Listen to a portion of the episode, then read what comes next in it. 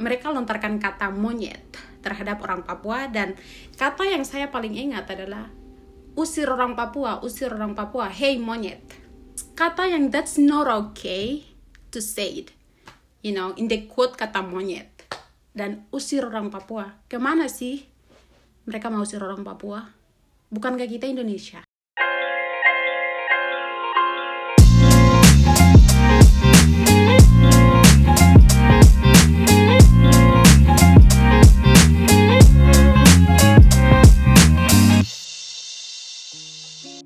Halo semua, kembali lagi di Unmute Session with Claudia, your host. Dan hari ini, diskusi kita akan sangat engaging dan menarik karena kita akan ngebahas mengenai topik yang lagi hot diperbincangkan, yaitu mengenai racism dan social injustice. Nah, last week, I posted on my IG story just to include you guys in the conversation – And I received so many thoughts and questions yang kalian mau tanya ke narasumber hari ini. So thank you so much ya guys for participating. And talking about Indonesia, there is no doubt that these social scenes are also happening in our country, terutama terhadap masyarakat Papua. Masih banyak mungkin yang wondering, apakah di Papua itu kalian masih pakai koteka, mata uangnya apa, tinggal di hutan, apa tinggal di pohon, apa tinggal di rumah? Itu mungkin pertanyaan yang paling sering didengar oleh masyarakat Papua. And yes, hari ini kita akan langsung ngobrol-ngobrol dengan teman aku. Dia adalah orang Papua yang sekarang ini lagi sekolah di Seattle, Washington. Yuk, langsung aja kita unmute our thoughts and open our heart to listen to my dear Papuan friend, Lince. Hai Lince, apa kabar? Welcome. Halo Audi, puji Tuhan baik. Kamu apa kabar? I'm doing well. Kita actually ketemunya tahun 2016 ya. Waktu itu dikenalin uh, with our good friends uh, Claudia, Alicia, and Cindy. yes, the twins. The twins, exactly. Dan since then udah lama banget nggak kontak and once this issue came out, um, aku langsung kepikiran, wah, well, how about that Papuan friend that I have back in Seattle? I'm so happy that we could reconnect and have this conversation because I believe that it is much needed. Um, karena it's very important for us, our Indonesian people, to really understand what is going on in Papua and how do you guys feel all this time towards this racism and social injustice. So why don't you tell us your story? Iya, yeah, sure. Um, jadi nama saya Lince Gombo. Uh, biasa dipanggil LJ atau Lince. And saya sekolah di Everett Community College, um, berjurusan IT. Dan um, rencana minor di Children's Psychology. Awesome. So, udah berapa lama Lince di Amerika? Udah lima tahun di Amerika. Jadi pas datang ke sini pas graduate dari middle school, dari SMP. Oh, oke, I see. Um, waktu kamu dari Papua ke Amerika itu pakai program beasiswa kan ya? Ya, jadi um, saya dapat beasiswa dari pemerintah Papua langsung yang disebut otonomi khusus untuk orang Papua. Jadi um, saya dapat dari pemerintah dan akhirnya bisa end up here. Wow, keren banget Lince. Dari Papua ke Amerika dan itu semua full scholarship. Wow, that is very cool. Nah, um, as you know, lately lagi rame banget diperbincangkan topik mengenai Black Lives Matters, social injustice, anti-racism, um, karena kasus George Floyd di Amerika Serikat. Karena kasus ini, orang-orang Indonesia juga mulai untuk menyuarakan hashtag Papuan Life Matters. Nah, you as a Papua people, um, I just want to have a better understanding of what sort of racism that you guys face in daily basis. Seperti apa sih yang kalian rasakan dan perlakuan seperti apa yang selama ini orang-orang treat ke kalian? Boleh nggak share ke kita-kita? Uh, Jadi rasisme yang kita alami di Papua itu tidak bisa dihitung dengan kata-kata atau tidak bisa dihitung dengan number ya. Kayak tidak bisa dibilang itu satu dua problem atau satu dua rasisme yang kita alami. Sebenarnya rasisme yang kita alami di Papua tuh banyak. Mahasiswa Papua yang di kota maupun di luar kota. Jadi um, salah satu rasisme yang besar-besaran terjadi di Indonesia terhadap mahasiswa Papua dan orang Papua adalah pas tahun 2019 yang terjadi di Surabaya itu ada beberapa um, community sama ada TNI Polri juga di dalam gitu. Sama ada beberapa masyarakat yang datang ke asrama Papua dan lontarkan kata-kata yang tidak seharusnya yang it's not okay to us as a Papuans. Jadi kayak it's kata mereka lontarkan kata monyet terhadap orang Papua dan kata yang saya paling ingat adalah usir orang Papua, usir orang Papua, hey monyet. Kata yang that's not okay to say it. You know, in the quote kata monyet. Dan usir orang Papua. Ke mana sih mereka mau usir orang Papua? Bukan kayak kita Indonesia. Jadi itu kata yang memang bukan kata monkey itu tidak hard anak-anak yang mahasiswa Papua yang di Surabaya, tapi itu bikin orang seluruh masyarakat Papua, seluruh rakyat Papua tuh sakit hati dengan kata itu gitu. Karena Inchester kami sebagai orang Papua tidak melahirkan monyet. Betul. Mereka melahirkan manusia dan Indonesia ini dikenal dengan negara religious. Negara yang negara yang beragama gitu karena semua agama mengajarkan kalau manusia itu diciptakan oleh Tuhan menurut gambar dan rupa Allah sendiri gitu. Jadi kita tidak bisa samakan monyet itu dengan manusia. Itu kata rasis yang paling kasar, yang paling tidak seharusnya diucapkan oleh masyarakat pada saat itu. Dan salah satu mama Papua, dia berkata bahwa saya sebagai perempuan saya tidak pernah melahirkan seorang uh, seekor monyet, tapi saya melahirkan seorang manusia. Karena itu bukan masalah masalah rasisme yang terjadi ini bukan satu orang yang bilang kita harus demo, tapi itu semua hati nurani orang Papua mau demo karena mereka rasakan rasa sakit dibilang monyet. Wow. I'm just speechless. Kalau um, sebelum perkataan monyet itu ya, waktu kamu masih kecil di Papua, melihat bapak dan ibu um, atau mungkin keluarga atau teman-teman di Papua, di Jayapura, apa di Manokwari, rasisme seperti apa yang kalian rasakan sehari-hari? Sebenarnya yes, I rasakan rasisme itu memang eh, bukan masalah rasisme saja sih sebenarnya ada banyak masalah tapi masalah yang rasisme ini saya rasakan memang dari kecil ya jadi waktu itu I saw my grandpa setelah dipukul oleh polisi dan dying in front of our house is not okay to kids to watch that kayak it's not okay untuk children to watch their grandparents atau to people their loves dying in front of them. It's not okay. And that's what's hurting me the most then I make a decision that I want to be a police officer. I thought by being a police officer tuh kayak bisa menjaga orang Papua dan treat orang Papua ini sebenar-benar mungkin. And now you are pursuing a degree in IT and children's psychology Wow. Um, dan waktu kamu masih punya mimpi menjadi polisi itu untuk memprotek masyarakat Papua, pernah nggak kepikiran bisa bersekolah di Amerika?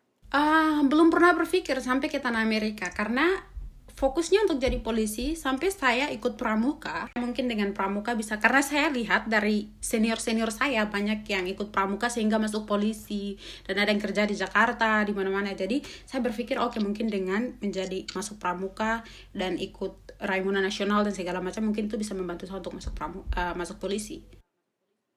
Hmm, hmm. Nah, balik lagi ke pertanyaan awal yang mungkin juga sering kamu dapetin selama ini. Kayak, orang Papua tuh pakai baju gak sih? Orang Papua tuh pakai koteka ya? Kebanyakan orang Papua ting masih tinggal di pohon, tinggal di hutan. Kalian berburu babi, berburu binatang lain. Apakah mata uang kalian rupiah? Itu pertanyaan yang paling menyakitkan. Um, bahasa yang kami gunakan adalah bahasa Indonesia dan yes Papua kita masih pakai koteka karena koteka tidak bisa dihilangkan karena itu turun temurun. It's, it's a culture. Dan yang saya mau ingatkan untuk citizen Indonesia untuk tahu bahwa karena kita tahu koteka ini di Papua bukan berarti semua orang Papua itu menggunakan koteka. It's not that way. Karena kita Papua ini kaya dengan suku dan uh, budaya dan setiap kabupaten, setiap suku dan kita Papua ini terdiri dari tujuh wilayah adat. Dan dari wilayah adat ini punya pakaian adat yang berbeda-beda. Wilayah adat saya, saya dari suku uh, Lapago, suku Lani, Lapago. Jadi it, wilayah adat saya tuh memang menggunakan koteka untuk seorang pria. Dan koteka ini di kota-kota atau di kabupaten, di provinsi mungkin sudah tidak ada. Tapi di bagian pedalaman Papua, mereka masih pakai. Kenapa? Karena itu is a culture. Itu turun temurun dari our ancestor and it's not something that we cannot just, you know, live it. It's not something that we cannot just change it with the clothes or something. Karena itu something yang we have to carry it. We have to carry our culture. It doesn't matter what, what people say it or sing us. Kita pakai pakaian. Kita punya mall. Wow, Papua punya mall banyak questions yang bilang Papua tuh ada mall nggak sih? Ke Papua, berlihat. Nama mallnya apa, Lince? Ada mall Matahari, pokoknya Saga Mall, beda-beda, ada banyak. Dan setiap kabupaten punya mall. Jadi, mau ingatkan bahwa anggap Papua tuh sama dengan provinsi lain di Indonesia.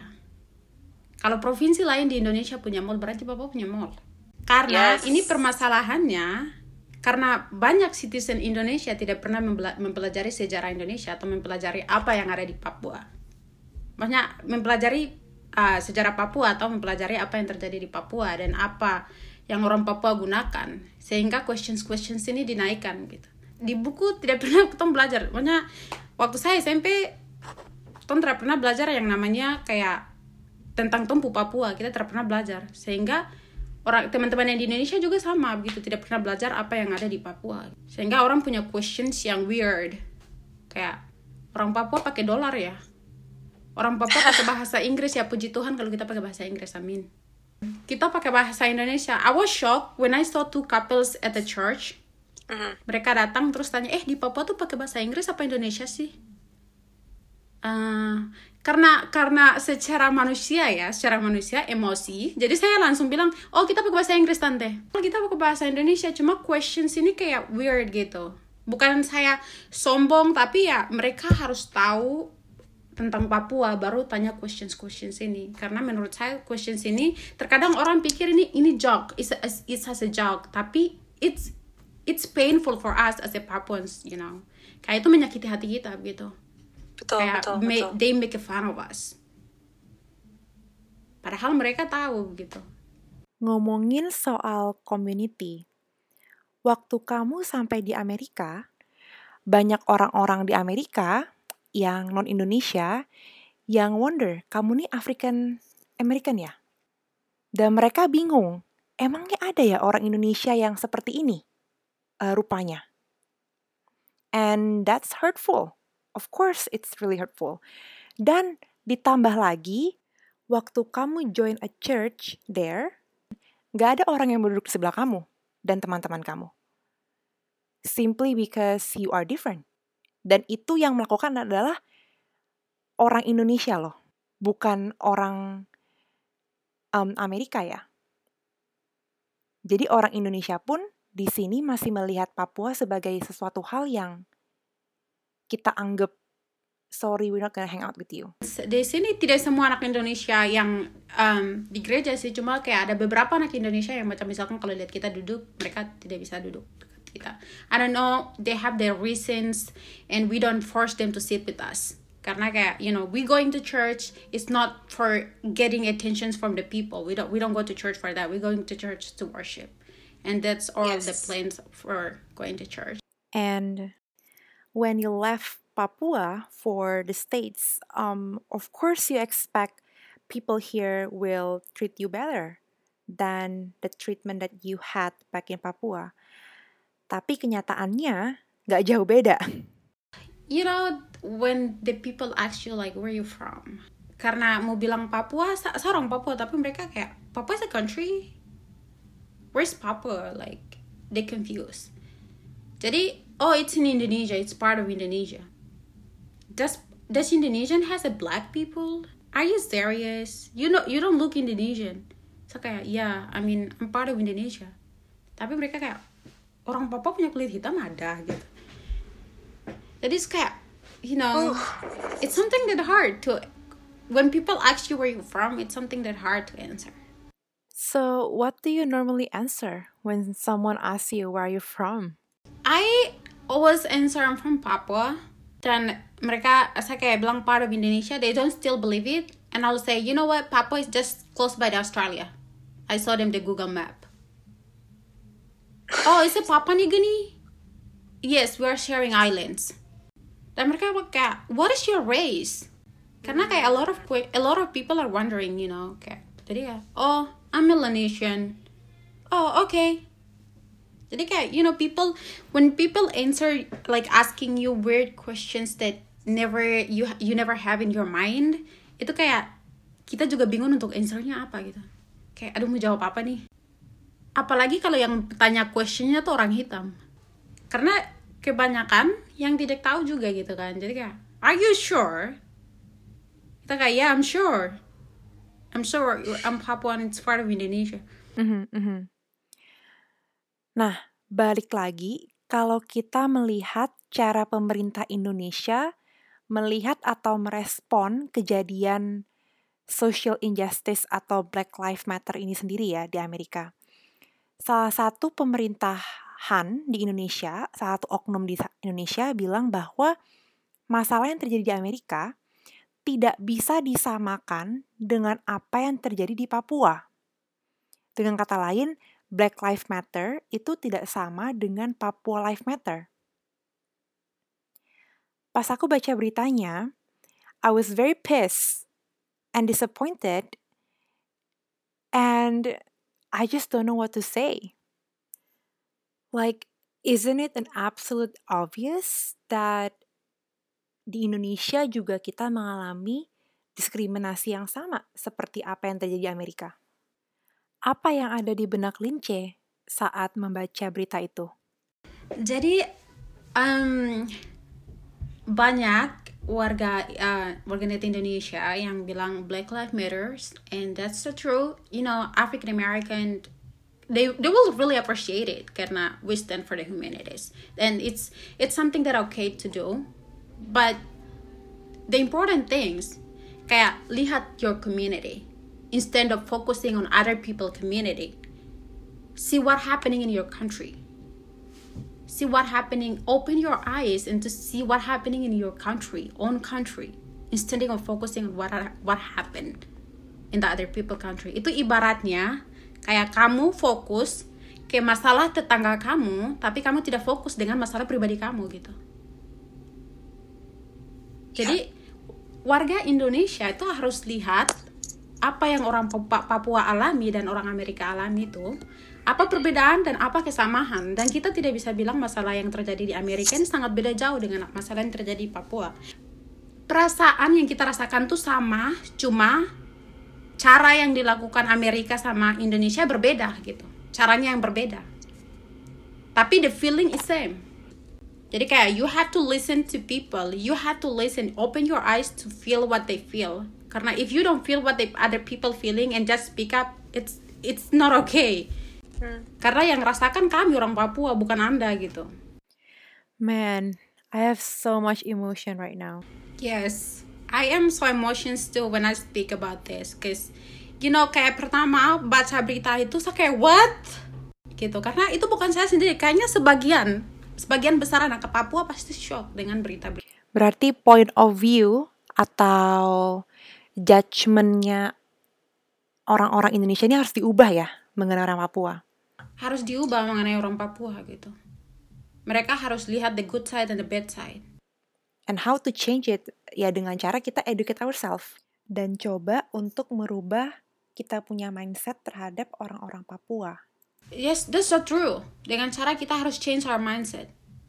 Yes. value other people's in our eyes. Karena kita tidak pernah untuk belajar untuk menghargai orang lain gitu. Menghargai orang lain dan you know, skin color is doesn't matter because ski- skin color in your country it's make you unique. Dan belajar untuk um, lebih be a listener untuk orang-orang yang diintimidate, untuk orang-orang yang tertindas. Be a good listener to them. Kalau dari orang-orang yang tertindas itu kamu akan tahu apa yang sebenarnya terjadi. Yeah, hopefully there will be more people, especially Indonesians, that have a heart and desire to listen to this kind of story and take actions towards it, ya.